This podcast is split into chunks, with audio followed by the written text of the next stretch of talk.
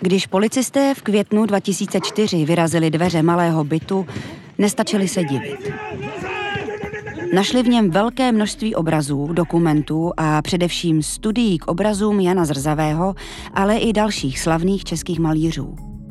Ve stejnou chvíli zasahovalo na 50 policistů na dalších několika místech v republice. Policisté při domovních prohlídkách našli 161 padělků takových autorů jako Zrzavý, Špála nebo Sedláček. Jediným žijícím padělaným autorem byl Kristián Kodet. Je tento případ skutečně ojedinělý v takovémto rozsahu v dějinách kriminalistiky nebyl. Byt patřil Liboru Prášilovi, malíři samoukovi, který poprvé vzal do ruky štětec v sedmi letech a od té doby ho nepustil. Po razii skončili v poutech tři lidé.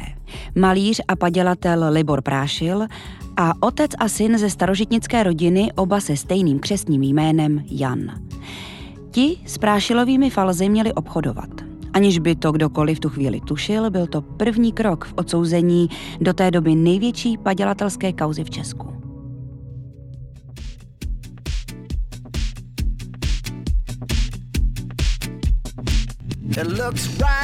Český rozhlas Vltava uvádí podcastovou sérii Umění padělat.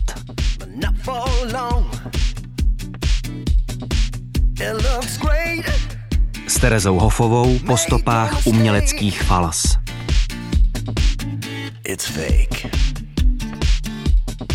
Epizoda pátá. Duch zrzavého. Tahle kauza je právně takzvaně zahlazená. To znamená, že se na aktéry z dnešního pohledu má nahlížet jako na nevinné.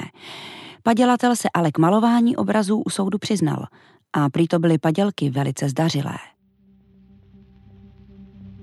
Když má policie podezření na padělané obrazy, velmi často je do ruky dostanou experti z kriminalistického ústavu.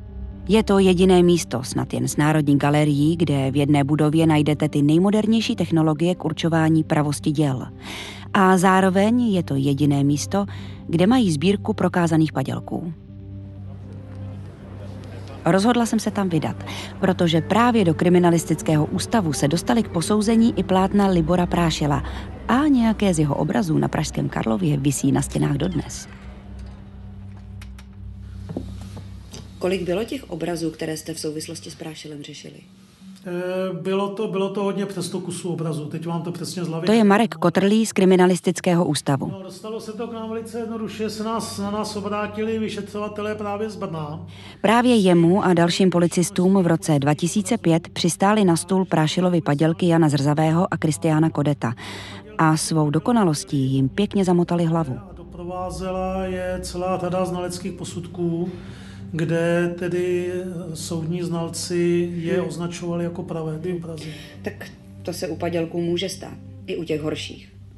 Ale v čem byly pro vás zrovna jeho malby tak těžké posoudit? Protože za prvé, vezmeme si toho Jana Zazavého. To byl velice plodný malíř.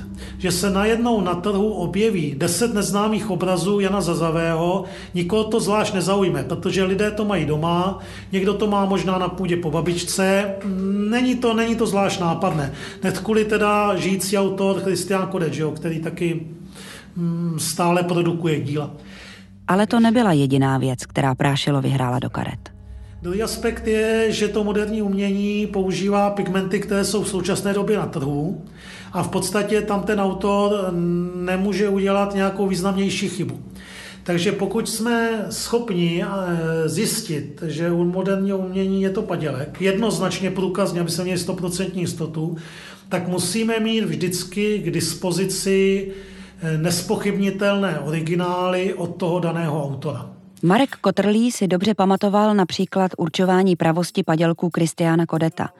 Výhodou bylo, že se jednalo o stále žijícího autora. Těch kodetů ty falza měl jeden markant, který měli všechna ta falza. Hmm.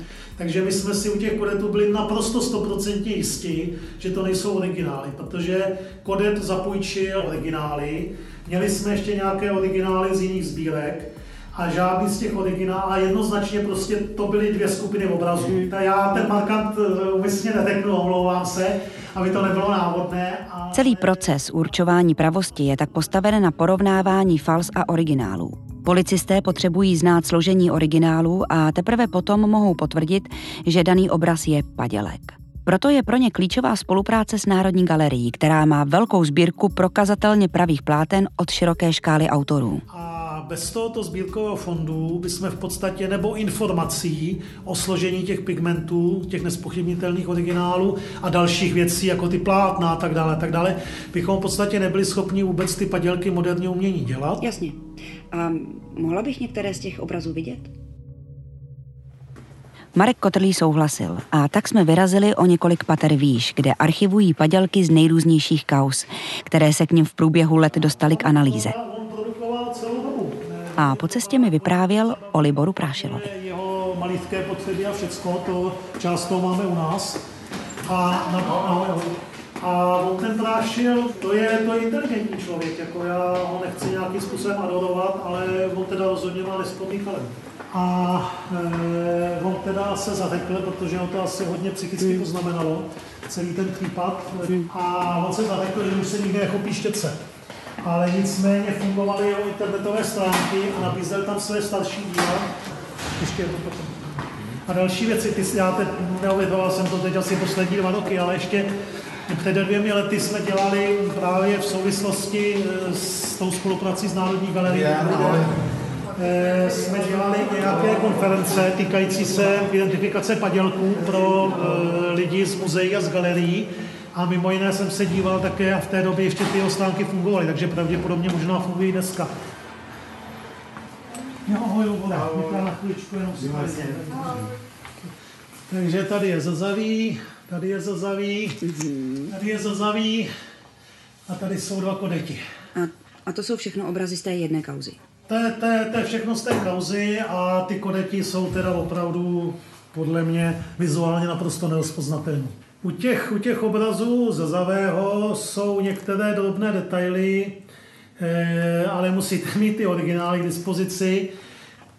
Eh, v některých případech ono zrovna na těchto z těchto moc eh, jsou tam tak, no, na to moc není. Třeba v té obloze nebo v tom moty jsou takové drobné tečky světlé a na těch originálech jsou to reálně drobné kavedničky.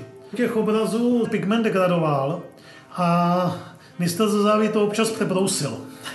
Takže když se na to podíváte detailně, nebo třeba pod stereomikroskopem, tak vidíte, že, že jsou to opravdu drobné, drobné dutinky v té struktuře té malby. Když to, on si toho byl vědom, ale on to napodoboval bílými tečkami, velice drobnými bílými tečkami ale když potom víte, jak to má vypadat na originálu, tak rozpoznáte bílou tečku provedenou pigmentem a bílou tečku, která je teda morfologickou kaverničkou. Jo? Tak to by mě nenapadlo.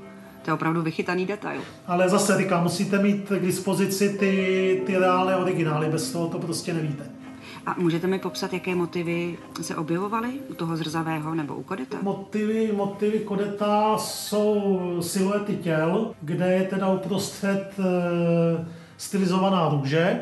A co se týče motivu Zazavého, tak konkrétně tady to jsou bretaňské motivy, to je bretaňská vesnička, kamenné domky, kamenné zítky, přístav v Bretani, lodě na mo, bárky na moři, ale on prášil netvořil tak, že by v podstatě měl nějaký známý obraz Zazavého a od něho udělal kopii. On se jenom těmi motivy nechal inspirovat a maloval v podstatě jakoby další tvorbu. Protože Jasně. Na chlup stejný princip, jaký používal valašský mistr Josef Ptáčník. Až na to, že prášil, mířil cenově mnohem výš. Maloval obdobné. A byla to pro vás největší kauza?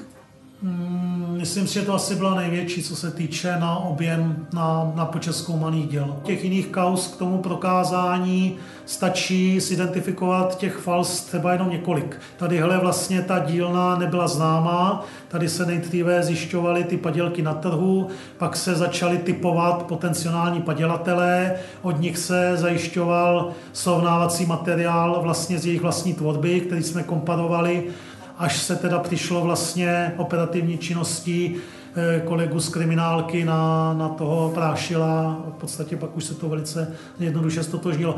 A to vyšetřování se, se táhlo, já si myslím, že nejméně dva roky. Dva roky policejní práce na odhalení jednoho padělatele a dvou lidí, kteří podle obžaloby obrazy prodávali dál. Abych ale zjistila, jak se vůbec do kriminalistického ústavu Prášilovy obrazy dostali, musím se vrátit o pár let zpátky, konkrétně do roku 2003. A nepůjde jen o padělatele, ale především o dva milovníky a prodejce umění. Otce a syna Střebíčska. Snažila jsem se získat kontakt na někoho, kdo se kauzou ve své době zabýval. Všichni hlavní vyšetřovatelé jsou už ale mimo službu v důchodu. Někoho jsem ale přece jenom našla. A tak jsem vyrazila do Brna na krajské ředitelství policie Jihomoravského kraje.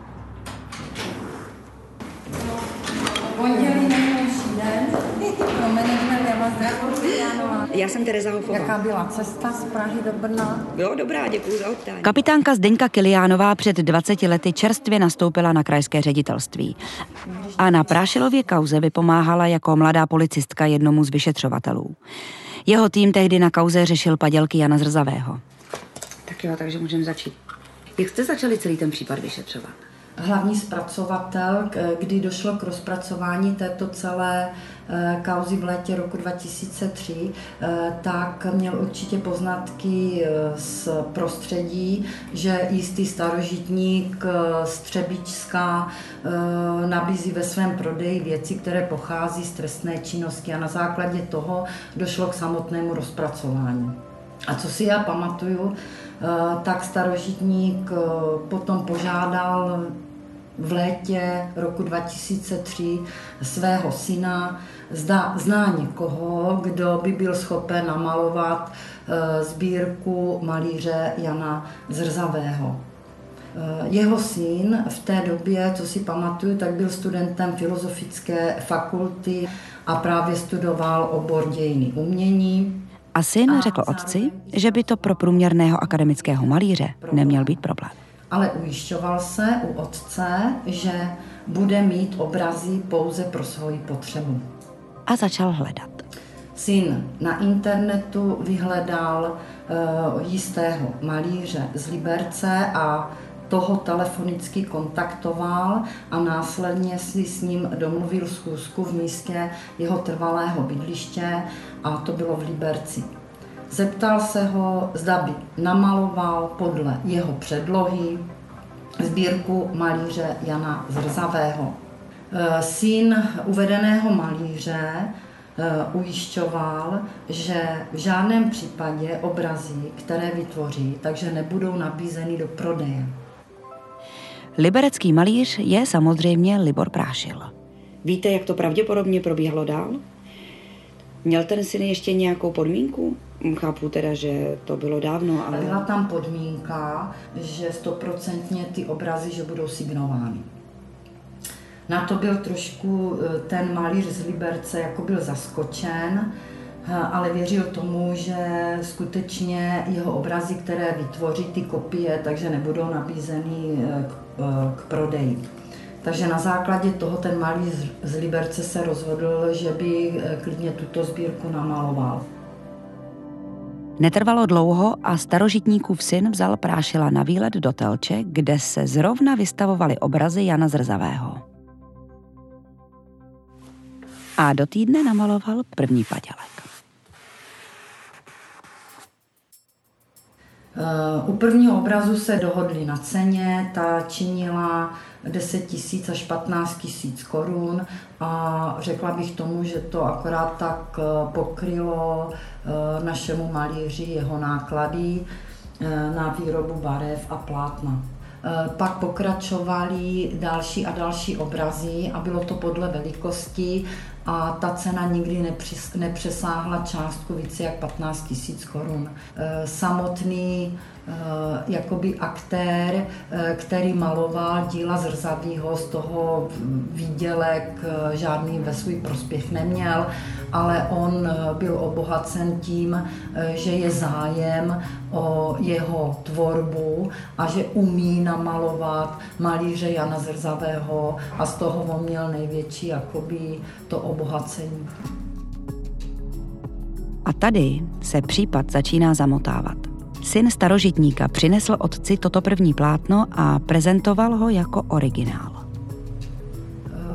Ze začátku, pokud si pamatuju, tak prezentoval vše s tím, že je to jistá recese vůči otci, že je takový starožitník, že by měl poznat v umění, co je pravé dílo a co je falzum a těšilo ho, Eh, že otec eh, byl spokojený, že mu syn dovezl eh, pravé dílo Jana Zrzavýho. Proč si starožitník myslel, že mu syn veze originál, když sám předtím poptával malíře, který by zvládl namalovat Zrzavého, není ani mě, ani kapitánce Kiliánové jasné. Jestli to tak celý bylo nebo nebylo, tak to bychom se museli možná zeptat samotných aktérů, otce i syna, jak skutečně ve skutečnosti Eh, bylo tušení, že je to falzum a že je to pravé dílo. A vím, že se kolegové eh, sami eh, prostě bavili o tom, zda to ten starý starožitník jakoby hraje, že jsou to pravá díla nebo že jsou to falza, když ve skutečnosti toho syna požádal e, ze začátku, zda by neměl toho člověka, který by byl schopen namalovat tyto obrazy. A co bylo dál?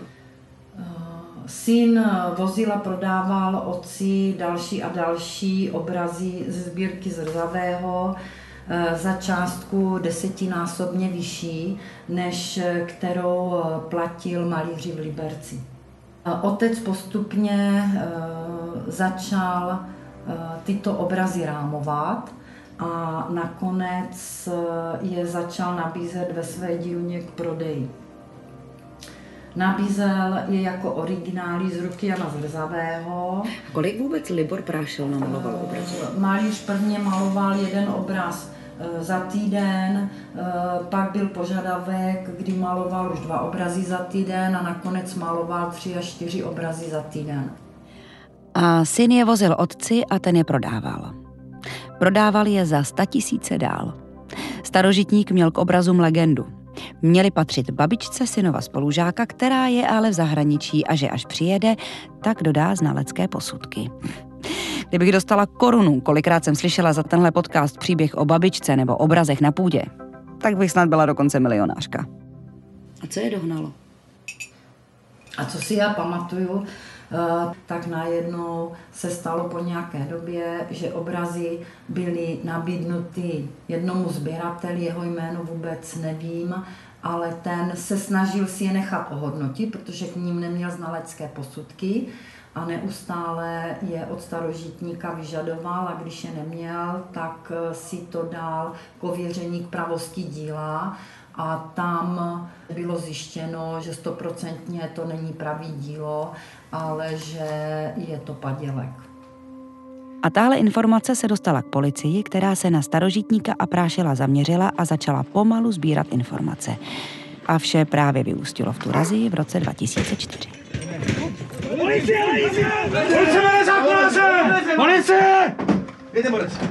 Soud s Prášilem, starožitníkem a jeho synem a dalšími dvěma muži začal v říjnu 2007. O takové výstavě si mohl padělatel nechat snad jenom zdát. Brněnskou soudní síň totiž zaplnili desítky padělaných obrazů namalovaných jeho rukou. Syn starožitníka před soudem trval na své verzi, že chtěl obrazy prodávat jen svému otci, ze kterého si chtěl vystřelit. Chtěl mu dokázat, že není takovým expertem na výtvarné umění, za kterého se vydává. Motivací mu měla být pomsta. Chtěl jsem si mu pomstit za celou minulost, chtěl jsem ho, když to řeknu takhle, pumpnout aspoň 20 milionů nebo i 50. Mně to bylo fakt jedno. Obžalobě ale tato historka přišla krajně nepravděpodobná. Policie se při vyšetřování případů soustředila především na roli jeho otce. Předpokládalo se, že skupina padělala více než 160 obrazů. A stejně tak nebylo jasné, jaký další padělatelé se na přípravě fals podíleli, protože nemohli všechny pocházet z Prášilovy dílny. Ale starožitník jen týden po začátku soudu zemřel. Na selhání srdce. A mnoho věcí tak zůstalo neobjasněno. O kuriózní situaci se u soudu postaral malíř Kristián Kodet. Který vypovídal na začátku soudního líčení. Oni se technicky hodně snaží, ale já mám pocit, že jim ulítlo takový ten, eh, takový ten zásadní, zásadní věc. Byl pozván jako svědek, aby stotožnil obrazy podepsané jeho jménem. Ale před soudem si nebyl jistý. Zda má před sebou obrazy namalované vlastní nebo prášilovou rukou. Během soudu se stala další zvláštní věc. Když se soud zeptal Prášila, proč podepisoval obrazy jako zrzavý, když věděl, že tím porušuje zákon, tak padělatel jednoduše odpověděl. Vstoupil do mě duch zrzavého. Bylo to, jako bych si přivolal jeho duši. S ní žil a tvořil. Byl jsem s ní stotožněný. Proto jsem podepsal obrazy jeho jménem. Brněnský krajský soud dnes uložil tresty trojici padělatelů obrazů. Libor Prášil dostal dvouletý podmíněný trest s odkladem na čtyři roky. Překupník s padělanými výtvarnými díly stráví tři roky za. Společně s nimi byl odsouzen ještě muž, který jim obstarával falešné znalecké posudky. Mohli skončit ale ještě hůř. Původně jim hrozilo až 12 let vězení. Kvůli nedostatkům v obžalobě ale musel soudce jednoho z nich sprostit obžaloby úplně a další mohl odsoudit jen za méně závažné trestné činy a ne za podvod, jak se původně předpokládalo. Soudu se ale nepodařilo prokázat, že se jednalo o organizovaný gang. Odsouzení se proti rozsudku odvolali a syn starožitníka se plánoval obhájit i jinou cestou. O celém případu chce napsat knihu s názvem Paměti padělatele obrazů. Zřejmě knihu nikdy nenapsal a odvoláním si taky moc nepomohl. Soud v roce 2010 kromě obchodu s padělanými obrazy přidal ještě obvinění z podvodu. Obviněný si totiž na nákupy fals i originálů napůjčoval od lidí desítky milionů korun, které nesplácel. Od soudu si vyslechl ještě přísnější trest. Sedm a půl roku vězení s ostrahou. V jednom aspektu se ale trestní senát přeci jenom k jeho výpovědi přiklonil. Dal mu za pravdu, že jeho otec o obchodování s falzy nevěděl. Libor Prášil opět odešel s podmínkou. Soudci před rozsudkem nechal vypracovat několik posudků na jeho duševní zdraví. Závěr jednoho z nich zněl. Uvědomoval si, že padělat obrazy se nesmí. Kvůli poruše osobnosti to ale vytěsnil a soustředil se spíš na to, jak hezky maluje. Obrazy z největšího padělatelského případu u nás jsou k vidění v muzeu policiem na Pražském Karlově. Libor Prášil se přeci jenom velké výstavy dočkal, a to v roce 2013. A vysílal o tom i český rozhlas.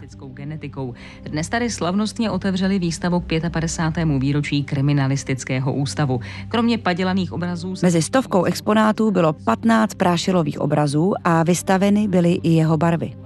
Dodnes jeho obrazy slouží ke studijním účelům dějinách české kriminalistiky už bude navždy zapsaný jako geniální falzifikátor obrazů Jana Zrzavého a dalších českých mistrů. Ve stejnou dobu se Libor Prášil rozhodl dát rozhovor pro pořad televize Nova z Třepiny. Bylo to vůbec poprvé od svého odsouzení. Kdyby vám dal někdo nakreslit Monulízu, nakreslil byste ji? To už jsem dělal jako dítě.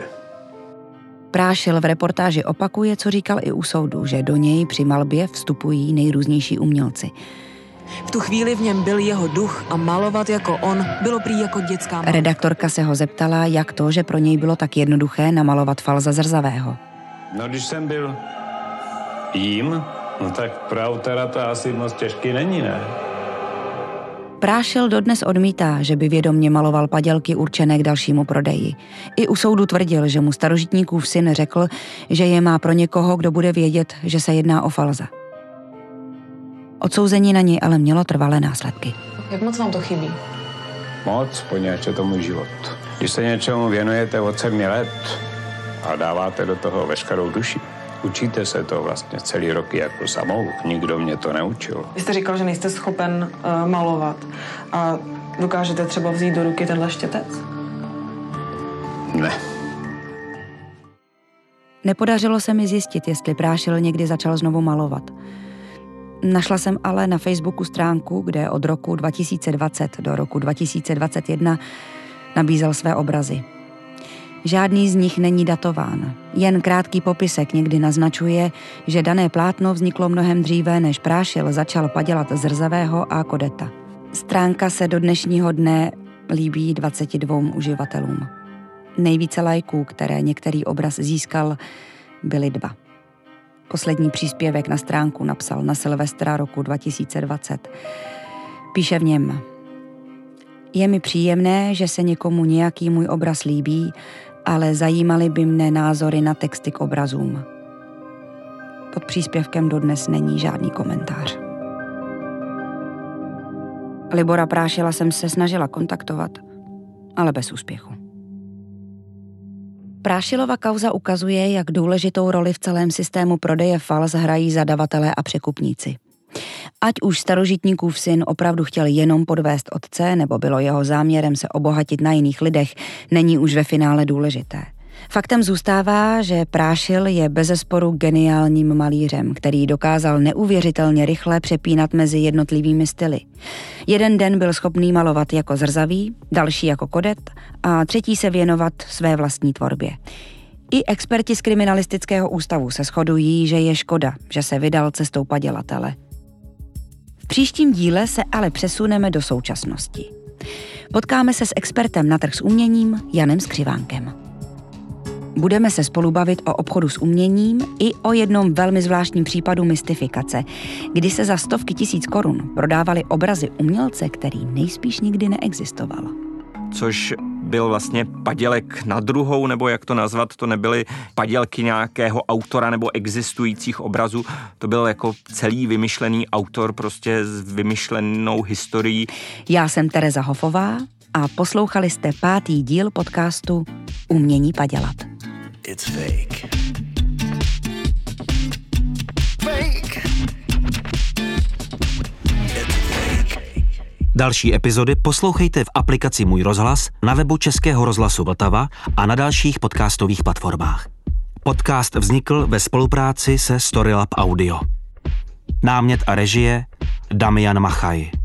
Scénář Josef Kokta. Odborné konzultace Jitka Šosová. Investigativní spolupráce Markéta Chaloupská.